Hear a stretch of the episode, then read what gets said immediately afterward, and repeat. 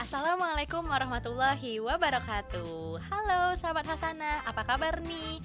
Podcast Jalan Kebaikan official BNI Syariah kali ini sama aku Vina.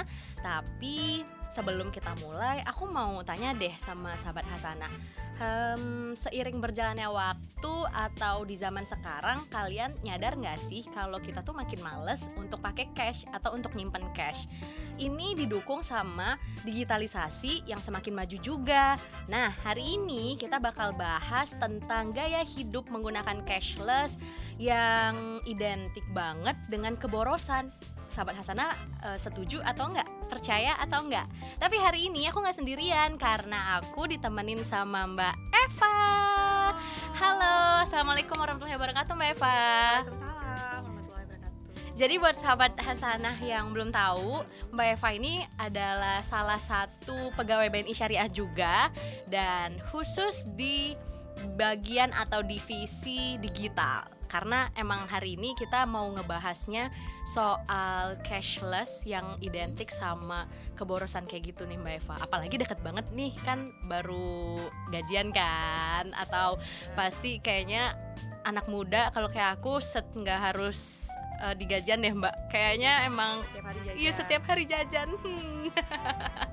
nah tapi kalau mbak Eva sendiri sebelum kita nggak bahas ke topik boleh tuh sapa-sapa sama sahabat Hasanah di rumah Hmm. dan perkenalan udah cantik-cantik pasti kepo deh sahabat Hasanah kan siapa nih gitu Iya, mungkin. oh ya Halo Sobat Hasana, nama saya Eva Kirana. Eh, saya seorang Digital Innovation Manager di divisi bisnis digital seperti yang tadi Vina sebutin. Ya, kita mungkin ngobrol santai ya terkait Iya. dengan cashless living iya betul zaman now. eh tapi aku mau kepo dulu mbak udah berapa lama di BNI Syariah nih Kira-kira waktu Beni Syariah umur 8 tahun. Oke. Sekarang itu umur 10 tahun, berarti Aha. baru 2 tahun. Oh, eh, gimana? Eh, sambung-sambungannya gimana? Iya. Oh, berarti 10 kurang 8 gitu iya, ya. Oh 10 iya, ke oke. 8 berarti 2 tahun. Tapi kok kalau ngeliat-ngeliatnya justru 10 kurang 2 nih, Mbak. Eh, 10 kurang 2 Iya, jadi jadi 8, 8 tahun. Iya, tahun. bener. nah, sebelumnya Hah? mungkin ada di eh, perbankan juga tapi Mm-mm. konvensional. Oh gitu. Tapi lebih Jadi memilih syariah ya sekarang. Hijrahnya di 2 tahun yang lalu. Masya Allah. Iya. Kenapa Mbak? Karena ada efek boros juga terus habis duit jadi langsung kayak hijrah aja deh. Ya hijrah aja sih Oh, pengen. oke. Eh, tapi Mbak kalau ngomongin soal cashless living, Mhm. hmm, apa ya? Percaya nggak percaya sekarang tuh digital udah mengubah dunia nggak sih, Mbak? Eh, dunia berubah karena digital. Oh iya betul. Tapi bisa juga loh digital mengubah dunia. Iya. Kalau kita nggak bisa ngebawa perubahan itu dengan baik, Mm-mm. jadi kan dunianya hancur juga. Iya, hancur. Iya. Mm-mm. mm-mm. Tapi kalau Mbak sendiri ngelihatnya gimana dengan perubahan digital yang sekarang? perubahan digital yang sekarang ya seperti yang kita tahu lah semuanya sekarang serba 4.0 si era digital yang sekarang semua apa-apa kita serba cashless seperti tema yang hari ini yang kita mau bawa ini ya seperti itu makanya kalau misalnya sekarang kita mau transaksi apa-apa pasti yang ditanya bisa bayar pakai apa Iya. Oh, kalau dulu kan mungkin kita jajan eh, minta duit dulu, terus duitnya dikantongin, terus pergi ke satu tempat ke mana lah yang kita mau belanja. Kalau sekarang mau belanja apa, langsung searching, udah tinggal bayar. gitu. Dan sekarang Mhm. juga didukung sama makin banyak eh, apa ya Mbak alat-alat transaksi lainnya ya selain kayak kartu. Kalau dulu kan mungkin awal-awal perbankan eh, apa sih maksudnya eh, awal-awal kayak apa masyarakat tuh peka gitu kan sama kehadiran perbankan kan mungkin masih kayak cuman sekedar kartu doang kan tapi kayak zaman sekarang makin ke sini eh, alat-alat pembayaran tuh makin banyak Iya betul. Jadi memang apalagi sekarang udah ada fintech fintech ya, Aha. mungkin semua orang juga udah tahu kalau misalnya sekarang bayar transaksi itu nggak harus pakai punyanya bank, tapi bisa pakai Iya. transaksionalnya uh, uh, financial technology. Ya uang elektronik, uang elektronik, uang elektronik, Elektronik. ya ada di pasaran apa pun uh, yang limitnya itu mungkin lebih lebih kecil tapi bukanya lebih gampang. Memang beda sih sama eh, rekening yang kita punya di bank. Fungsinya sama eh, dan bank juga punya sebenarnya yang jenis kayak gitu. Bank gitu. juga mengikuti perkembangan zaman dong Benar, pasti. Oke. banget. Termasuk BNI Syariah ya. Iya, BNI Syariah. That's why ada divisi bisnis digital gitu. Khusus untuk menaungi perubahan digital ini ya. Iya. Jadi gimana caranya ya. eh, apa ya eh, menyetarakan ya atau saling berlomba-lomba lah gitu ya untuk Hmm. membuat perubahan. Tapi kalau untuk Mbak sendiri menurut Mbak kayak cashless living ini plus minusnya apa sih?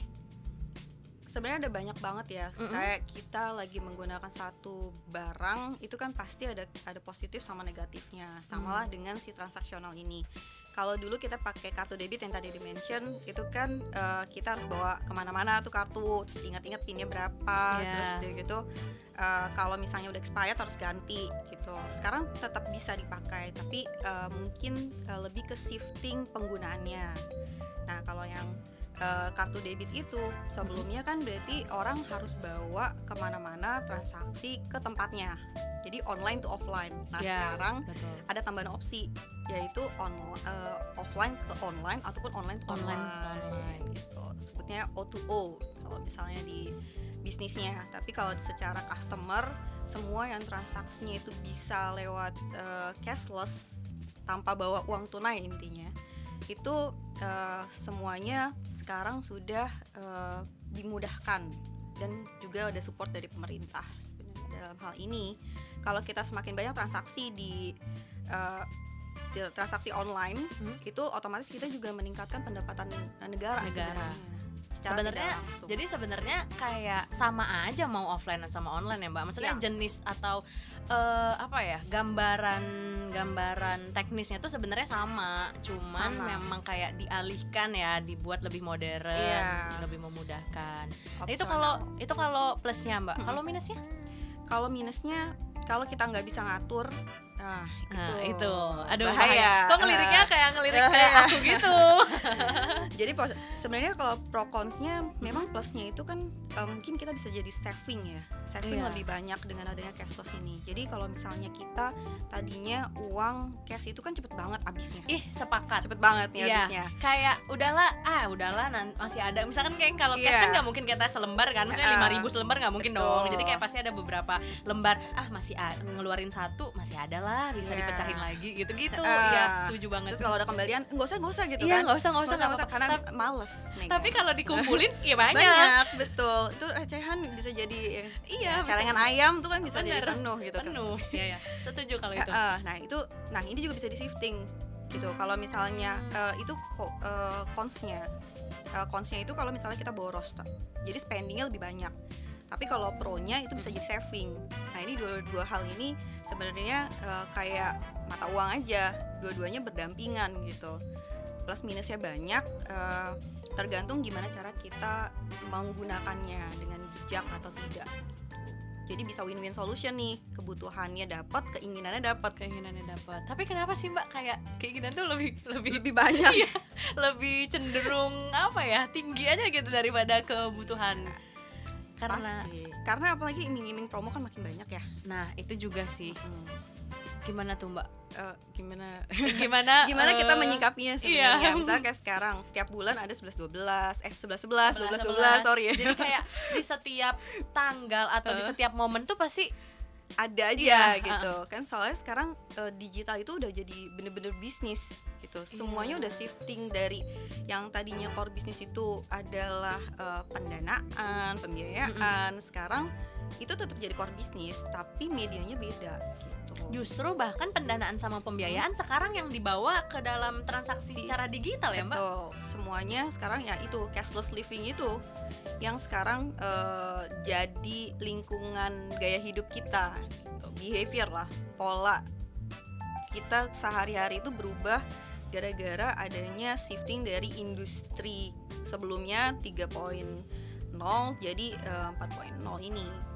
Dan emang era digital ini nggak Hmm. bisa kita melulu ngelupain yang namanya uh, behaviornya si customer semuanya itu didukung oleh si behavior customer ini jadi kalau kita uh, semakin boros misalnya Mhm, mhm. ya kita bisa ngerem juga dengan cara digital itu gitu digital membuat kita boros digital juga Membuat membuat kita kita, lebih eh, hemat. ya lebih hemat karena kan eh, mungkin uangnya kependem ya kasarnya kayak gitu kan. Iya. nggak ada di depan mata gitu eh, loh.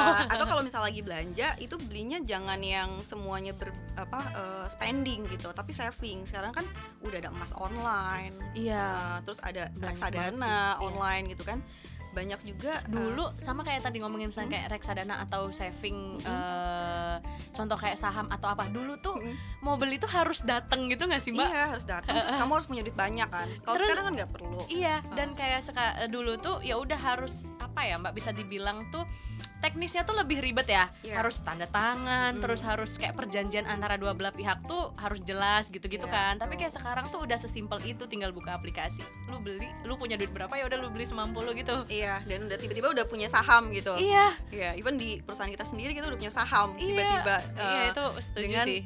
eh, real time yang nggak sampai 10 detik udah selesai gitu. Nah, makanya eh, tergantung eh, plus minusnya itu spending sama savingnya itu yang kita harus balance gitu. Di mana win-win solutionnya kayak gitu. Oh nih, eh, aduh lagi pengen belanja gitu. Nah, belanja juga kita harus mikir ya. Eh, sebenarnya ini kita pengen beli, kita tahu nggak sih barang yang pengen kita beli? apa? Berarti Iya. tetap harus tahu kebutuhan dulu sih sebenarnya ya Mbak untuk Betul. menyikapi ini maksud aku. Ya, tapi kan cewek kan kadang-kadang Tergoda. impulsif kan, Iya, tiba-tiba tergoda.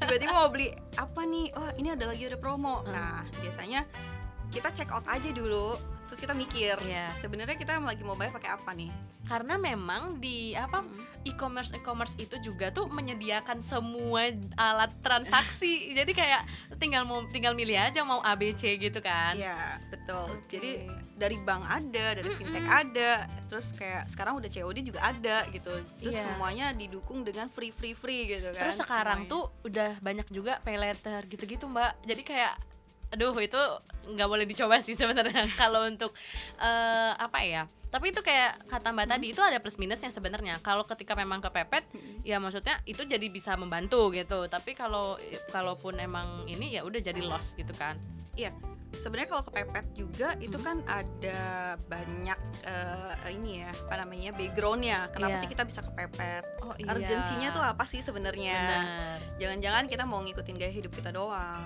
atau memang kita lagi bener-bener butuh gitu. Kalau misalnya kayak kemarin kan ada case eh, nggak bisa bayar eh, sekolah, Iya. eh, kuliah, Hah? akhirnya ijazahnya ditahan. iya Nah, kalau kayak gitu kan butuh kan, Eh, bener-bener harus butuh. ditebus dulu ya ya biar- harus ditebus nah berarti kan dia butuh sesuatu yang uh, bisa men- uh, Membantu dia. dia untuk mendapatkan apa yang dia butuhkan nah yang kayak gitu-gitu ya tetap aja bisa. Sekarang banyak juga uh, pendanaan-pendanaan atau pembiayaan online itu Nah. yang mungkin bisa membantu mempercepat.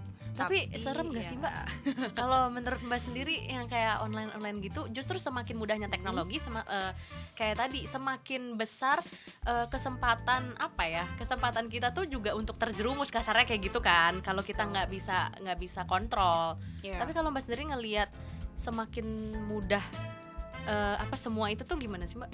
Semakin pandangan mudah, mbak. Maksudnya semakin Hmm. mudah eh, apa sih apa ya media-media itu. Mm. jadi kayak kita kan juga semakin semakin goyah lah ya maksudnya kayak gitu. Nah kalau mbak sendiri ngelihat eh, kemudahan yang diberikan sama pinjaman online ataupun juga media-media lainnya tuh seperti apa kemudahan itu pasti diiringi dengan resiko nah itu resikonya apalagi orang resiko kan ya oke Jadi eh, semua kemudahan itu pasti ada resikonya. Hmm. Dan resikonya itu selama bisa dikendalikan tidak ada masalah. Bagaimana kita manage resiko itu itu nggak nggak masalah, nggak eh, tidak ada impact yang signifikan misalnya. Nah itu yang bisa mengukur siapa diri kita sendiri gitu. Kalau misalnya eh, sebenarnya bahaya nggak sih? Nah balik lagi kalau emang butuh mau gimana lagi gitu kan misalnya. nggak punya jalan lain Nggak- dong iya, gitu he- eh, Oke. tapi lihat dulu sebenarnya kita mau ngajuin kita tahu nggak sih siapa yang lagi eh, kita hadapin Hmm, Nah, berarti kita harus kenalin dulu si medianya ya Betul. Sebenarnya pinjaman online ini apa? Nah, itu kita pelajarin. Terus kita bikin juga tuh eh, misalnya periode bayar kita sampai berapa lama. Berarti Oke. arus kita, cash ki- eh, kas kita itu berarti per bulan itu eh, keluar masuknya itu kayak gimana? Terus sampai dengan Oke. terakhir kita punya pendapatan gak sih buat kita bayar itu? karena memang pada kenyataannya apalagi untuk yang berbisnis ya kita ngebayar itu dari pendap dari apa sih dari untung kita sendiri gitu ya mbak Iya, dari pendapatan yang kita It- punya uh-uh. gitu. Kalau misalnya kita misalnya pendapatan dari gaji doang. Mm-mm. Nah, berarti gaji itu eh, dapatnya berapa? Terus kita harus spend berapa? Kan nggak mungkin kalau misal tuh minus langsung kan. iya terus Eh, juga nggak mungkin kayak dapat gaji langsung "Ya udahlah bayar semuanya makan pakai apa gitu Iya, kan betul. Ntar makanya Oh, pinjem lagi. Nah, nggak bisa habis lagi bisa- dong Iya, gali lubang tutup Oh, lubang. Akhirnya iya kayak benar. gitu. Sebenarnya negatifnya itu sih. Tapi kalau misalnya memang bijak, eh, misalnya kita nih, kita kan punya kartu pembiayaan, Sanah Card. ya Nah, itu kan sebenarnya solusi. Kalau misalnya kita lagi mau bayar eh, langsung eh, cashless, tapi kita mau bayarnya nanti gitu Ah, misalnya. benar. Nah, ini kan kita bisa eh, menggunakan itu dengan bijak, asal bijak gitu. Kita tahu sebenarnya apa yang kita lagi hadapin, apa yang lagi kita gunain, terus nanti eh, bisa nggak sanggup bisa nggak gitu kita men- eh, mengendalikan resiko itu. Hmm. Bahasanya ketinggian ya enggak ya? Oh enggak enggak, Oh, enggak ya? Sekarang anak muda milenial sahabat Udah Hasanah juga pinter udah pinter semua, Iya. cerdas semua pasti. Semua udah pernah ngerti lah, semua semua pasti ada resikonya. Semua Iya. pilihan kita pasti ada resiko. Gitu dan mau nggak mau kita manage, harus manage. Oke. Kalau misalnya kita hilangkan ya kalau apalagi eh, millennials ya. Mm-mm. Millennials ada tantangan kan maunya semuanya diambil iya, kan, banyak kesempatan. banget iya. cita-cita Ah, keinginan. Iya, nggak perlu mikirin resiko nanti Iya, gitu kan. Mbak apalagi kalau pandemi kan, aku Heeh. yakin banget kayak sahabat Hasanah pasti udah punya plan yang paling Heeh. gede kayaknya liburan Jalan-jalan. sih. Iya. betul. Apalagi kayak Oke. gitu kan. Nah, Heeh, kita heeh. lihat nih, aduh ada promo gitu kan. Tiba-tiba ada promo yang bener-bener kita pengenin. Mm-mm. Nah, terus duitnya belum kepegang. Oke, di tanggal 1 aku aku gajian. Mm-mm. Padahal duitnya belum ketang di tangan. Pul- Tapi udah punya plan, Tapi udah banyak banyak udah banyak gitu kan, listnya udah banyak banget. Heeh, listnya udah banyak. Nah, biasanya kan menggunakan eh, cashless itu yang bahaya di situ. Apalagi kalau misalnya source of fund-nya itu yang sifatnya itu eh, kredit ya, Iya. bukan eh, sesuatu yang liquid. Iya, nah, benar. itu yang paling bahaya. Tapi kalau misalnya kita bisa manage resiko itu ya aman-aman aja. Berarti emang inisiasinya tuh ya sebelum kita apa namanya sebelum kita cobalah kali ya. Itu kita yang pertama tadi kita harus tahu dulu ya mbak. Kita harus tahu kebutuhan kita terus maksudnya urgensinya Urgensinya terus apa. juga kita harus kenalin media yang mau kita masukin Gunakan. kasih gunakan Iya. gitu. Hmm. dan yang terutama ya kita harus kontrol diri kita sendiri dulu. Jadi mungkin bisa self controlling itu Mm-mm. yang paling penting self controlling Mm, memang kalau misalnya apalagi kita impulsif ya. Ya kalau misalnya harganya kita pikir itu cuman sebelas ribu misalnya. Cuman iya cuman sebelas itu ribu banyak di saat itu Perasaan gitu. yang Terus kayak tiba-tiba gitu belanja banyak tapi banget. banyak banget Ah. yang kalau digulung tiba-tiba di check out kita udah 2 juta iya nah, Heeh. nah yang kayak gitu kan eh, kadang kita nggak sadar gitu tapi ternyata pas waktu eh, bulan depannya tagihan tiba-tiba lo kok segini kemarin Iya. belanja apa aja ya oke abis ini aku gajian ya udah selesai udahlah bayar gitu ya tapi udahlah bayar habis di situ habis di situ tiba-tiba ada promo lain promo lain promo lain kayak gitu makanya Ah. kalau misalnya eh, kita sebagai sahabat Hasana ini harusnya eh, kita smart lah dalam menggunakan eh, transaksi yang katanya mudah ini menjadi lebih mudah gitu, Iya, buat betul. hidup kita Heeh. jangan sampai kalau kita nggak bisa manage risiko akhirnya kita malah eh, susah sendiri ujungnya gitu banyak ya ya waktu itu udah kita juga udah tahu ya kalau Hmm. sempat ada yang sampai bunuh diri gitu itu kan banyak sih, karena pinjaman online gitu karena dia bingung kayak nggak punya jalan kan Iya. Kalau udah kalau udah numpuk jadi kayak bener kata mbak tadi ah udahlah cuman segini cuman segini tapi pas Iya. kita totalin tep di ujung tuh berjuta berpuluh-puluh juta udah ya udah nggak punya nggak punya ide lagi gitu kan nggak Ah. punya jalan lagi ujung-ujungnya ya tadi maaf bunuh diri Iya bunuh diri, ada yang ya Stres. kabur, stres ataupun misalnya menyusahkan orang lain. Nah kalau karena dia sekarang pinjam lagi pinjam lagi pinjam lagi pinjam lagi dan sekarang tuh metodenya ada beda ya. Kalau Uh-uh. teman- eh, apa sahabat-sahabat Hasana ini Mm-mm. mungkin lebih harus lebih mengerti apa Mm-mm. sih yang akan dilakukan sama si pinjaman-pinjaman online. Nah apa aja tuh mbak Iya. aku kepo juga sih kan aku soalnya i- apa milenial yang ya yang gitu juga lah eh, ya gitulah ya, yang suka coba-coba. Nah, iya kita coba-coba nggak apa-apa asal termanage. Nah kalau misalnya yang sekarang itu Mm-mm. eh, semuanya mudah di awal, tapi kita harus lihat nih abis itu di bulan depan kita akan kena berapa. Itu Hmm. satu. Berarti kita harus sudah nge apa ya ngeproyeksi ya mbak Iya kita harus Oke. punya proyeksi arus kasnya itu akan seperti apa. Oke. Jadi end of eh, apa end state-nya itu Mhm. sebenarnya kita bayar berapa sih? Misalnya jangan-jangan pinjaman satu juta yang Tapi dibayar itu gede? 4 juta. Iya, tapi kok lebih gede yang Iya. ininya gitu ya. Ya, padahal jangka waktunya misalnya cuma tiga bulan. Waduh, kalau kayak gini mendingan Iya. ditahan aja, terus kita Iya. bayar pakai uang cash misalnya. Itu yang pertama. Yang Oke, kedua, benar. eh, sekarang itu zamannya bukan ditagih, itu didatengin. tapi yang Mm-mm. ditagih itu adalah teman-teman kita di mana eh, mereka itu bisa dapetin data kita pada saat kita submit gimana caranya nah ini benar. sekarang kita tuh mungkin eh, sahabat Hasana atau ya pokoknya banyak kita yang belum aware ya nggak aware bahkan sebenarnya data aware. kita itu Uh-uh. di, di digital ini eh, lag-nya kayak gimana gitu Oh, data iya. kita dimanfaatkan Iya nggak benar. sih Ini, ini Nah, menarik sih, ini menarik. eh, data kita siapa yang manfaatin dan lain sebagainya Nah, Gak mungkin dong kita ngisi cuma-cuma doang. betul nggak mungkin juga bisnis itu berhenti eh, dengan cara membiayai kamu doang gitu iya kan benar. Selesai Pasti diputer-puter lagi di belakang Iya, itu. betul. Oh iya. Nah, yang hal-hal yang kayak gitu gimana caranya mereka bisa mendapatkan uang itu kembali itu kan eh, keinginan si bisnisnya ya. Mm-mm. Nah, kalau sebelumnya mungkin orang capek-capek, ah nggak mungkin didatengin, oh, Mm. saya salah ngasih alamat misalnya. Mm-mm. Ya jangan salah, sekarang yang dicari itu eh, kantornya, sekolahnya, kampusnya, Teman-temannya tadi. kayak teman-temannya. Ya, teman-temannya dapat dari mana? Jadi ada akun eh, kalian kan yang dimasukin kan. Iya. Ha-ha. Nah, salah satunya adalah email. Email itu jaringannya banyak banget ke mana-mana. Wow. Nah, akun sosial media kalian terhubung sama apa? Sama email. sama email. Dan nomor telepon. Nomor telepon. Iya. Iya. Dan data ini ada di mana-mana sebenarnya. Jadi sebenarnya kalau misalnya du- dunia digital itu saking mudahnya, eh, data itu juga saking Bisa diperjualbelikan ya Mbak berarti? Iya, Sebenarnya. Eh, bukan sebenarnya tapi memang Oh, pada kenyataannya kayak gitu. oke. Jadi sekarang data itu adalah salah satu eh, core bisnis beberapa perusahaan. Tuh, jual beli data. Ya kita kemarin juga sempat dengar lah eh, data umat muslim digunakan Iya. untuk eh, diperjualbelikan untuk hal yang tidak benar. Eh, Nah ini masih banyak nih mungkin sahabat Hasanah yang maksudnya ya selama ini ngisi tapi memang ya setiap kita perhatiin mau kita buka apa buka apa juga pasti kayak iya sih ada email nomor HP dan semua data-data Iya, kita simple, kita Iya, ngerasa itu sesimpel simple. itu kayak udahlah submit aja lah anda terus tulisannya anda belum punya akun Iya.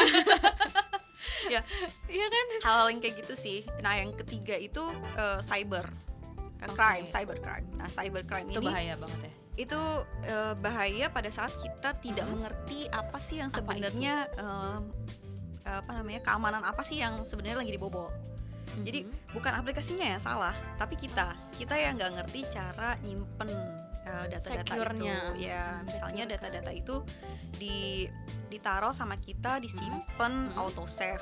Mm-mm. Nah, handphonenya jatuh dipakai orang selesai. Atau user ID password kita disimpan eh, terus di teks ataupun di out- editor iya ya di handphone di mana orang kalau udah ketemu tiba-tiba pakai nah kejadiannya apa hubungannya sama si cashless living Mhm. dengan kemudahan si eh, transaksi digital ini ada beberapa yang menggunakan hal tersebut Hmm. data-data kita itu eh, dengan memanfaatkan eh, pengajuan menggunakan data orang lain. Nah, Oke, jadi itu- dia yang dapat duitnya, mereka yang dapat duitnya dengan data kita, tapi Iya. nanti ujung-ujungnya kita yang bayar. betul. Oh my god. Ya, makanya hati-hati tuh misalnya kayak kita nga- ngajuin iya. apa-apa hal-hal yang sebenarnya kita mau transaksi eh, tapi jadi ke mana-mana gitu.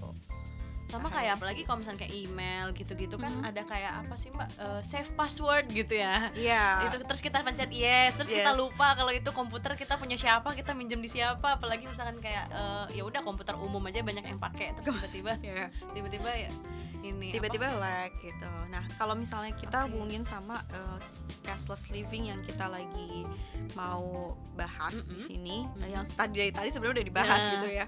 Eh, sebenarnya apa sih eh, trik and apa tips iya, and triknya yang kita bisa eh, kasih buat sahabat-sahabat Hasanah ini eh, biar tetap eh, bisa menggunakan aplikasi digital Heeh. tapi nggak eh, takut smart lah intinya nggak takut Iya. lah ya Iya, tapi nggak takut Heeh. dan ya, nggak takut kehabisan duit juga Iya. misalnya.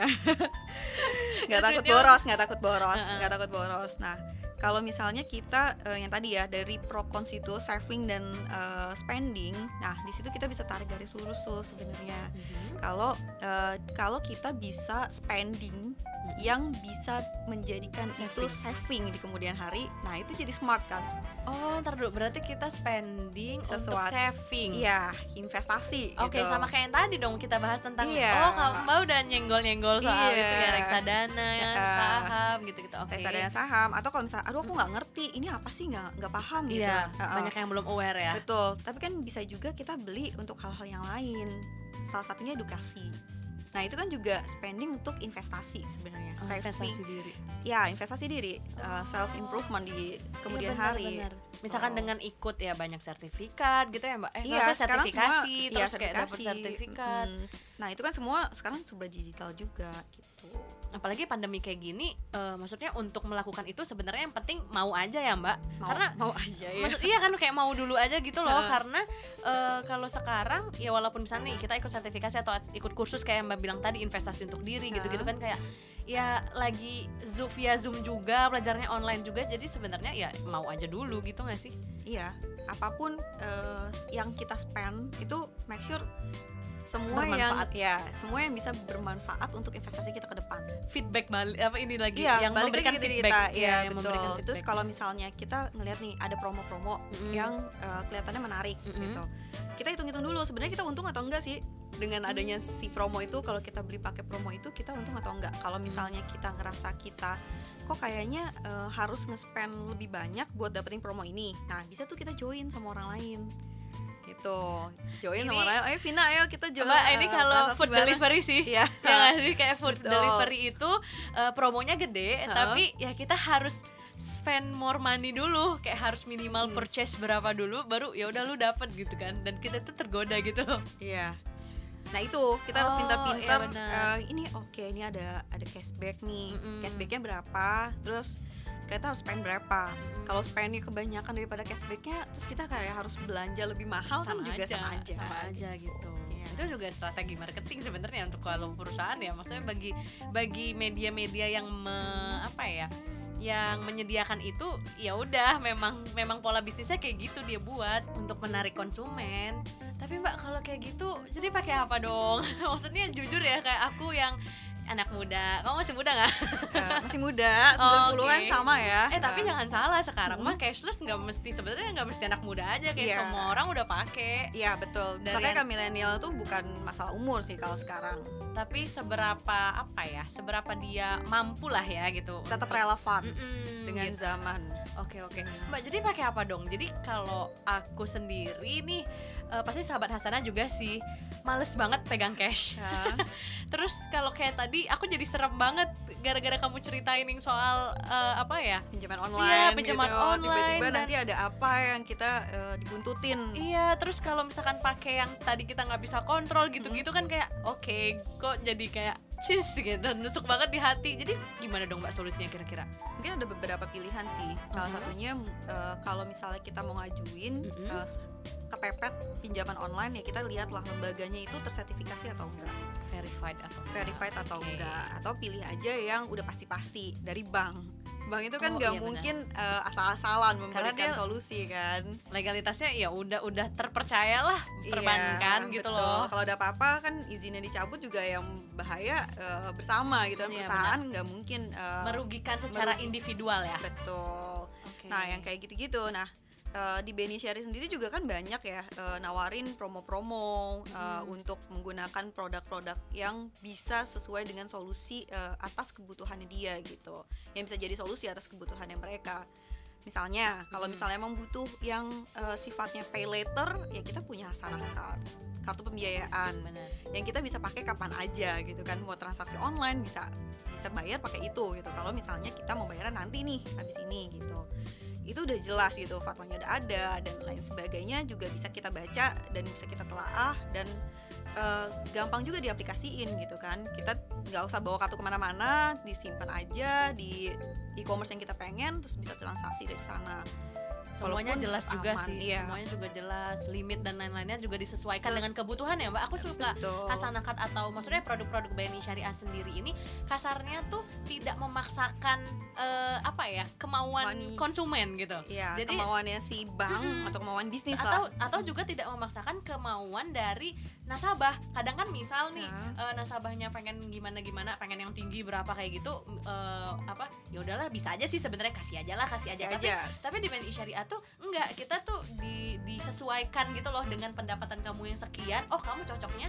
di produk ini Sekian. dengan limit sekian Betul. supaya kamu mampu bayarnya Ya, gitu. Nah, aku suka sih dengan yang apa konsep kayak gitu balik-balik balik-balik lagi ya konsep dan prinsip syariah dong betul nah makanya Mm-mm. eh, kayak kita nih misalnya kita nggak ngerti cara ngendaliin resiko yang tadi kita bahas Mm-mm. ya udah biar aja lah bank ataupun lembaga yang eh, sudah tersertified ini yang, yang memikirkan memikirkan gitu buat Iya, bener. kita gitu buat apa sih kita mikirin kayak oh aku bisa kok mengendalikan itu gitu sakit padahal ada sendiri. yang bisa ngendaliin Iya, gitu bener. kan berarti Nah, paling lebih ke situ sih eh, untuk menggunakan hal-hal yang eh, kita belum pe- belum pegang gitu.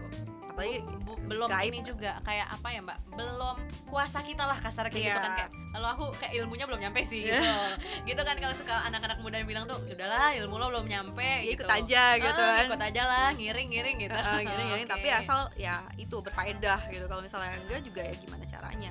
Tapi kalau misalnya memang kita nggak punya eh, atau kita nggak mau ah nggak mau ah itu sama aja pinjaman gitu Hmm. ujung-ujungnya merasanya kayak gitu kan ya bisa juga kita pakai yang sesuai limit kita. Kita mau transaksi apa eh, terus kita top up ke sana gitu uang elektronik. Oh Ah, oke. BNI kalau- Syariah punya juga dong pasti. Punya juga. Dan memang satu-satunya di Indonesia yang punya uang elektronik itu eh, untuk lembaga. Untuk lembaga perbankan ya? iya, perbankan Perbankan. syariah itu cuma punya BNI syariah doang. Wow.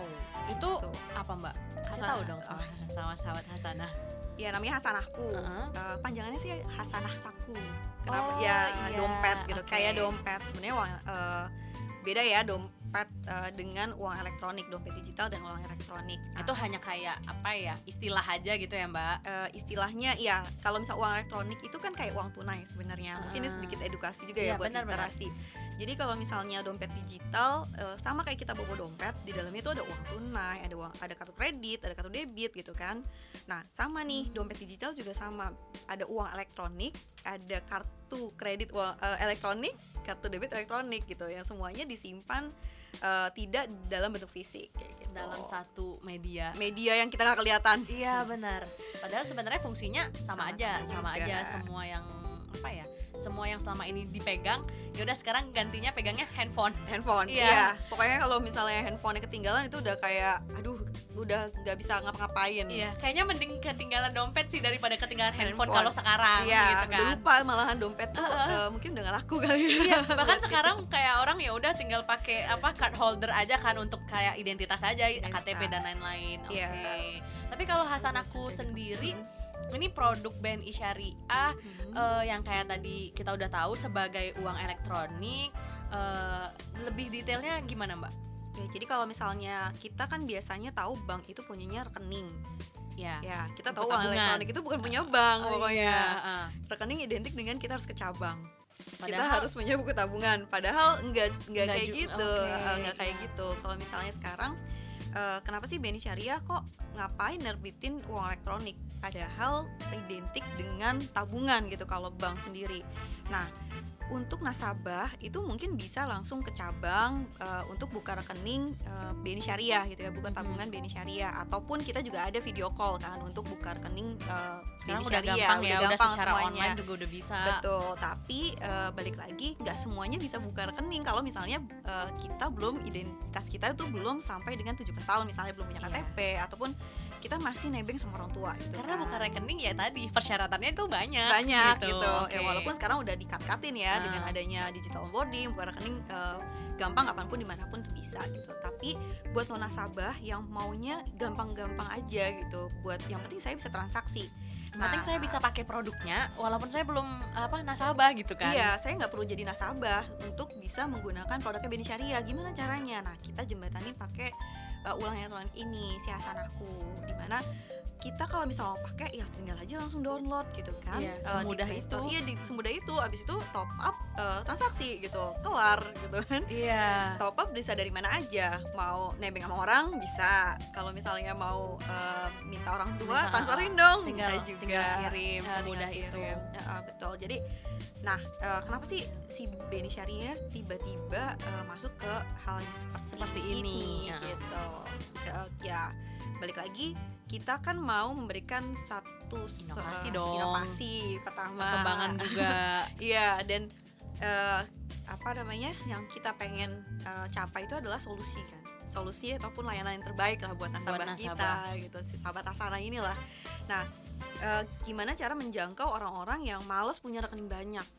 Ataupun misalnya Iya. apa bedanya sih konvensional sama syariah misalnya atau Ah. aku udah punya konvensional aku buat apa lagi punya rekening eh, syariah, Syariah, Eh, gitu. atau aku udah punya kebanyakan eh, udah punya banyak rekening buat apa lagi gitu sebelum kita ken, eh, kita kenal sama kata sayang lah ya nah, Iya. kenalan dulu nih sama yang eh, limitnya kecil-kecil dulu nah uang elektronik ini bisa menjadi jawaban buat eh, bisa mudah-mudahan bisa jadi solusi buat eh, teman-teman yang masih taaruf gitu kan mau kenalan lah sama BNI Syariah Berarti aku Hasanah eh Hasanahku ini eh, atau Hasanah Saku ini Hmm. Lebih ke limitnya lebih bersahabat gitu kali ya Mbak? Maksudnya lebih kecil Lebih sih. kecil Uh, ya. tapi kan bisa buat ya kita transaksi mau banyak-banyak juga nggak mungkin kan sesuai Hmm. uh, peraturan Bank Indonesia aja sih Uh, kalau misalnya kita nggak punya KTP kita Hmm. nggak kita non register kita nggak bisa transaksi sampai dengan 10 juta tapi kita masih bisa Oh. transaksi sampai dengan 2 juta nah itu kan udah cukup banyak sebenarnya iya buat kita cukup banyak. jajan jajan-jajan doang gitu kan Iya. mau beli kopi-kopian kayak mau beli Justru apa ka- eh, uang hasan apa namanya uang elektronik itu dipakainya buat jajan. Maksudnya Iya. terlalu kebanyakannya kayak ya udah tinggal tinggal scan atau tinggal apa eh, transaksi transaksi aja Mm-mm. dari aplikasi. Jadi buat memenuhi gaya hidup uh, si cashless ini banyak pilihannya gitu. Kalau misalnya uang tadi berarti kita udah bahas dua ya. Mm-mm. Kartu pembiayaan ada. Terus uh, kalau misalnya mau yang limitnya kecil-kecil ataupun nggak mau repot uh, ya ada uang elektronik Hasanahku. Terus yang terakhir uh, kita juga punya rekening tentu aja gitu ya. Nah itu juga buat memitigasi kita biar kita nggak boros. Nah balik lagi nih kalau misalnya kita Mm-mm. mau transaksi uh, dengan smooth gitu kan uh, limitnya banyak bisa-bisa aja tapi kalau misalnya kita bisa memapping uh, apa aja sih kebutuhan kita nah itu bisa banyak nih kantong-kantong yang kita buka uh, rekening-rekening atau tabungan-tabungan yang sesuai dengan agenda kita ke depannya jalan jangka pendek sama jangka panjang tentunya Berarti ini juga produk-produk ini juga membantu untuk eh, apa ya Mbak? Mengklasifikasi kali ya. Maksudnya eh, ketika kita punya pendapatan sekian, ya kayak kata Mbak tadi kita bisa bagi eh, bisa dipecah-pecah gitu loh kayak biar nggak boros. Iya, sesuai dengan tema kita kan. Walaupun uh, kita pakai aplikasi digital ngikutin zaman now gini, Uh-huh. tapi kita tetap uh, bisa saving dan spending dengan smart gitu kan. Tapi menarik da- yang pas Mbak bilang tiga produk yang kita state tadi kan. Heeh. eh, tips and triknya mungkin ngebaginya disesuaikan dengan ya, Kebutuhan. Mbak, kebutuhan kali Iya, ya. kebutuhan dan keinginan sebenarnya. Nah, kalau untuk keinginan kayaknya bisa di hasanahku. Iya, dengan uang elektronik Iya kan? namanya ya, yang bisa kita top up. Misalnya limitnya kan nggak bisa lebih banyak daripada eh, apa rekening ya atau Mm-mm. tabungan. Nah, ini bisa kita cut buat transaksionalnya, daily activity kita transaksionalnya pakai itu. Dan itu bisa kita apa ya? Bisa kita set. Jadi mantaunya itu juga enak ya, Mbak. Maksudnya kita misalkan kita top up nih. Mm. Kayak aku kan, oke lah aku coba lima ratus ribu satu bulan untuk makan misal gitu Iya, kan. nah, Nah, set kan dari depan ya. Eh, eh, set di Mm. depan dong. Iya. Terus pas sambil jalan, misalkan itu bisa bisa kita pantau udah hari keberapa. Loh, kok udah sekian. Oh, berarti gue udah boros nih di awal gitu. Iya, dan Oke. semuanya kan tercatat kan. Mm-mm. Jadi kita bisa tahu nih, oke kalau buat transaksional kita udah setup misalnya 500 ribu tadi Mm-mm. di depan. Iya. Di situ waktu lagi Sambil jalan nih, sambil udah, jalan, eh. waduh di tengah bulan udah Kok- habis iya, kok tiba-tiba. habis? Nah, itu bisa kita Lihat paling enggak ya? kita mikir dulu. Oke. Iya, kita mikir dulu nih, kita mau top up lagi atau enggak? Uh-uh. Pasti kan. Nah, terus kita lihat juga historinya. Belanjanya pakai apa aja? Buat apa, aja ya? Kebanyakannya apa di mana nih? Iya, eh, kok bisa tiba-tiba jadi overload? Oh berarti eh, Oke. bulan depan mungkin nggak segini. Tapi kan tuh limit buat transaksional. Heeh. Nah kalau misalnya buat jangka panjang ataupun misalnya kita mau ada eh, kebutuhan jalan-jalan kayak tadi Mm-mm, kan. mm-mm. Nah berarti kan kita eh, harus saving. Harus simpen dong Iya, nih duitnya. saving duit yang nggak bisa dipakai-pakai harusnya dipakai pada saat kita lagi butuh itu aja gitu kan. Nah itu bisa pakai eh, tabungan ataupun rekening-rekening eh, yang kita sudah plotting juga gitu. Misalnya memang eh, dana dana buat nikah misalnya. Nah buat nikah Itu itu, kan cocok buat aku sih, Mbak. Iya, nah saving plan nih. Berarti kita cari dong tabungan yang emang cocok misalnya eh, berapa bulan nih, berapa bulan lagi mau nikah atau berapa tahun lagi mau nikah. Nah, atau udah punya eh, keinginan lain mau beli apa dalam waktu berapa lama. Nah, itu bisa pakai rekening-rekening atau tabungan-tabungan jenis eh, yang variatif gitu, sesuai ke- kebutuhan kita. Karena memang di BNI Syariah sendiri untuk produk tabungannya juga di diplot ya, Mbak. Maksudnya bisa kita set gitu loh kebutuhannya untuk apa. Jadi kalaupun sahabat Hasanah maksudnya bingung, eh ya tinggal datang konsultasi gitu loh karena memang Iya. sekarang perbankan tuh udah kayak jadi apa ya, Mbak? Jadi temen Jadi teman kan, Heeh, jadi temen, partner. jadi partner jadi eh, butuhnya apa diinformasiin nanti tinggal bank mikirin solusinya Mm-mm, jadi mm-mm. bukan kita yang eh, kita bukan bank yang memaksakan eh ini produk aku nih kamu Iya. pakai dong gitu. Untuk ini ini cocok sama kebutuhan kamu bukan iya kayak bukan gitu kayak gitu tapi kebalik ya. Balik jadi kita yang curhat kan kita Oh, curhat iya, dulu benar. oke eh, aku butuhnya yang kayak gini gitu. Nah itu kan juga kita bisa lihat dari behavior kita yang di daily activity transaksional yang tadi kan Hmm. gitu. Nah yang terakhir misalnya ada dana darurat gimana nih caranya? Nah kita kan ada punya instansi kartu pembiayaan Hasanah Card ini di mana kita kalau misalnya emang kepepet masih bisa pakai itu buat dibayarkan selanjutnya.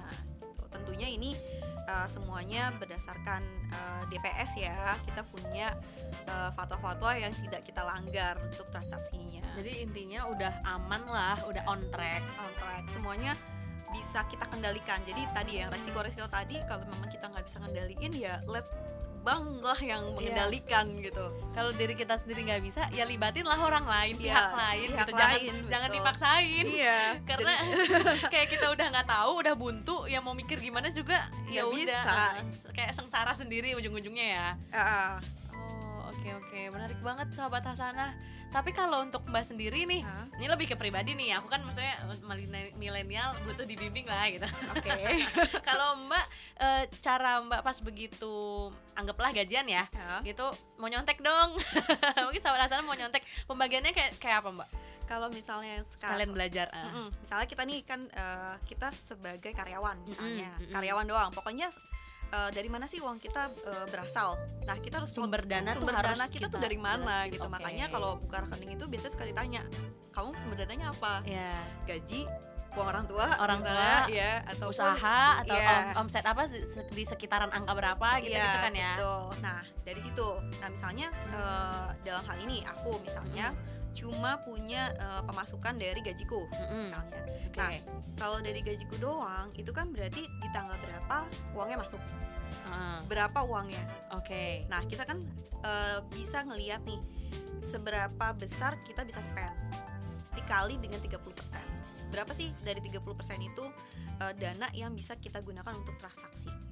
Oh. pemenuhan kebutuhan kita maksimum 30% harusnya kita bagi di depan itu kayak gitu Berarti pas begitu dapat harusnya Langsung langsung spend. di, di spend ya. ya makanya kalau eh, mungkin kalau aku Mm-mm. orang bank juga kali ya eh, aku nggak bisa kalau rekeningnya cuma satu Kalau Oke. misalnya rekeningnya satu Kartu tuh harus udah boros dibagi-bagi. banget iya Itu- jadi eh, most of my rekening itu my account itu tuh nggak nggak ada kartunya yang Oh, punya kartu tuh cuma satu Di mana Jadi kayak nggak banyak kartu tapi rekeningnya banyak rekeningnya ya. banyak rekeningnya banyak jadi kayak buat kantong-kantong gitu Supaya tadi justru kalau semakin kan itu juga termasuk memitigasi resiko ya, Mbak. Kalau makin makin banyak kartu kan makin mudah lah gitu. Ah. Ketinggalan satu ya ada yang Ada lain gitu. lain, ya karena kan apalagi di Indonesia uh, sendiri atau di Jakarta lah ya Mm-mm. tempat aktivitas itu kan nggak semuanya udah cashless kan nah berarti kan harus pegang duit cash gitu Tetap nah, harus ada ya betul sebenarnya. makanya kalau misalnya mau tarik tunai berarti kita maksimum berapa sih nah buat Dibatasin yang juga ya? iya dibatasin jadi oke plotting ke rekening yang ada kartunya itu berapa persen Itu untuk yang urgensi. urgency yang butuh yang enggak yang uh, enggak ada cash, uh, yang pokoknya butuh cash. yang butuh cash Yang kayak ada kita uang misalnya elektronik dan lain-lain. Mm-mm. apalagi misalnya kita lagi nyetir ya kita bawa mobil sendiri gitu kan bawa kendaraan sendiri itu kan kita harus megang duit cash nggak bisa kita nggak pegang duit nah Itu pesan mamaku banget sih, Mbak. iya nggak bisa Ke mana pun harus gitu. ada walaupun misal berapa itu kamu yang nentuin Betul, gitu. tergantung kendaraan yang kita pakai. Karena itu, misal- itu itu juga eh, ceramah ya Iya iya sebenarnya. tapi bener loh aku Iya. belajar juga dari situ karena aku pernah nih mbak kayak misal eh, di jalan gitu kan bener-bener kosong duit cashnya Heeh. terus emang nggak ada ATM terus nggak ada apa ya nggak ada yang maksudnya yang bisa Iya. dipakai buat transaksi gitu jadi terus kayak, siapa yang bisa bantu gimana? gue iya gitu kan? gimana ya gitu-gitu. Jadi ujung-ujungnya kayak nelfon orang tapi maksudnya kan itu udah Butuh takes waktu. time gitu kan. Itu waktu udah terus takes energi ya, belum tentu juga kecapai kan.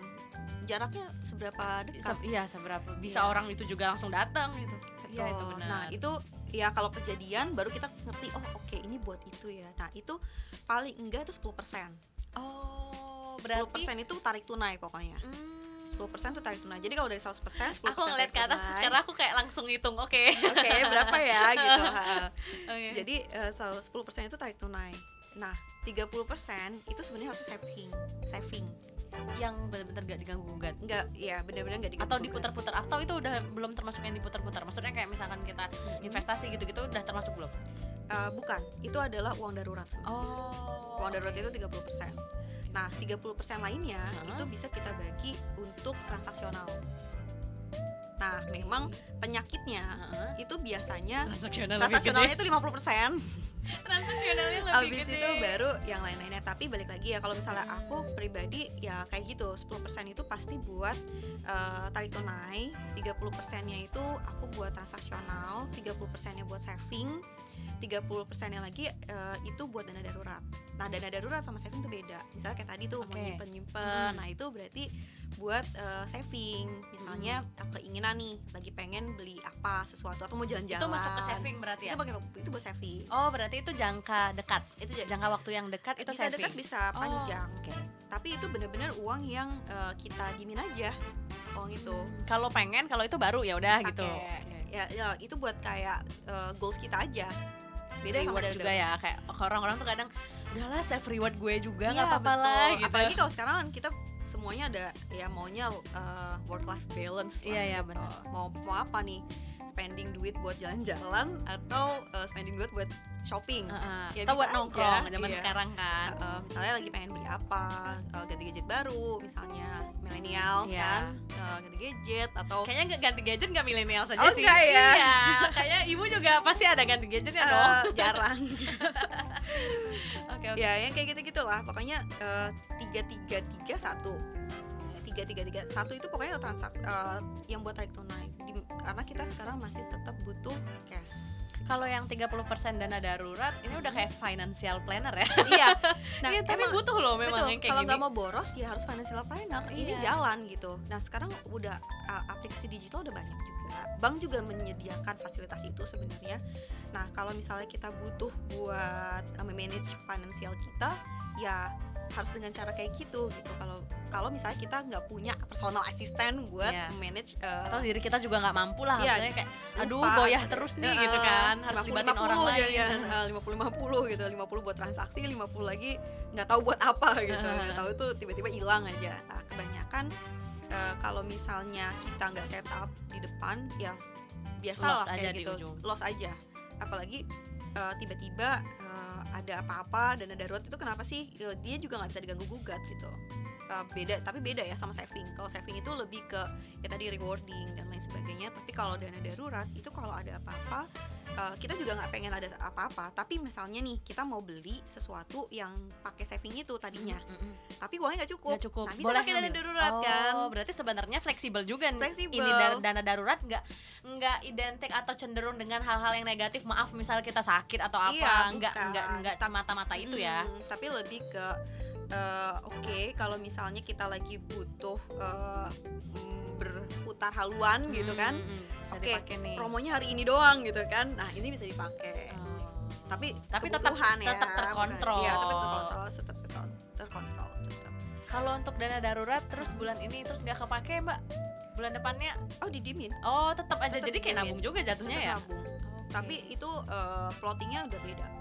Kalau misalnya digabung wah itu nggak bisa kepegang itu aku pernah ya Mm-mm. maksudnya transaksi-transaksi pakai satu akun terus tiba-tiba keluar masuknya tuh nggak bisa kepantau. Jadi kayak deres banget gitu ya duit Iya, masuk keluar Duit masuk, masuk, keluar. eh, eh, pertama-tama tuh kita pasti akan ngerasa eh aku masih punya kok uang di sebelah situ gitu. Mm-mm. itu pasti deh. Mm-mm. Eh, mungkin itu masih eh, masih akan berlangsung sampai dengan enam bulan lah itu kita nggak bakalan kebiasa gitu kita masih Iya. akan ingat oh masih bisa nih spending nih sampai dengan 45% misalnya Mm-mm. Eh, karena masih punya dana darurat yang Iya. bulan lalu belum dipakai Iya, misalnya masih bisa lah gitu Eh, kan masih curi-curi dikit gitu kita. tapi lama kelamaan kita akan lupa kalau kita tuh sebenarnya Punya itu.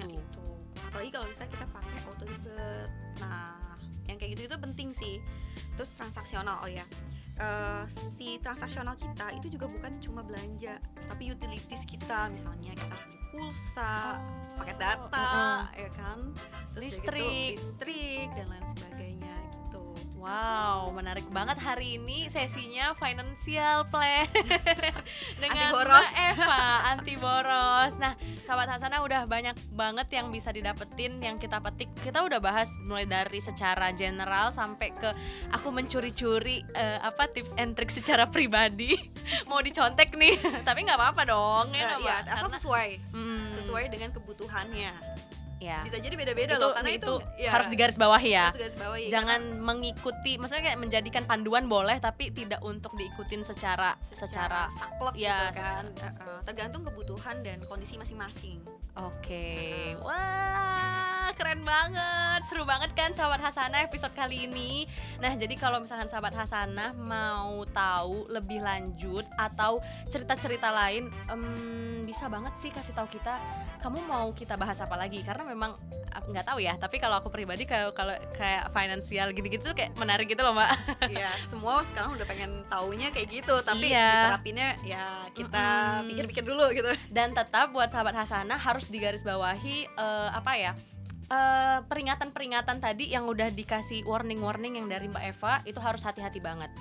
Jadi cashless jangan membuat kita jadi loss atau jadi membuat kamu makin boros. Dan sahabat Hasanah jangan lupa untuk terus dengerin podcast office eh, podcast Jalan Kebaikan Official Band Isyariah di Spotify dan juga YouTube. Kalau misalkan di Spotify kamu harus banget add to playlist dan juga like karena kamu jangan sampai ketinggalan episode-episode berikutnya. Ini nggak kalah menarik dan juga jangan lupa untuk like, comment sama share di YouTube Official Band Isyariah. Kasih tahu kita juga boleh mau dibahas apa, eh, mention di di atau DM Instagram kita di @bni.syariah dan mention di Twitter juga boleh di @bni_syariah. Terima kasih ya Mbak Eva udah dateng, udah berbagi Sama-sama. banyak hal.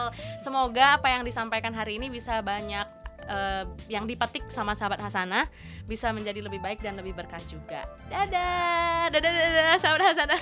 Terima kasih ya Mbak Eva. Waalaikumsalam warahmatullahi wabarakatuh. Sampai jumpa. Aku Vina. aku Eva Syukro. Syukro. Ya. oh oke Syukro bareng dong. juga. oke Ini bisa di set ya. Setnya live loh. ya live Aku Vina. aku Eva Syukron. Wassalamualaikum warahmatullahi wabarakatuh. Hasanah, hasanah, hasanah Mari majulah Indonesiaku Hayalah satu hasanah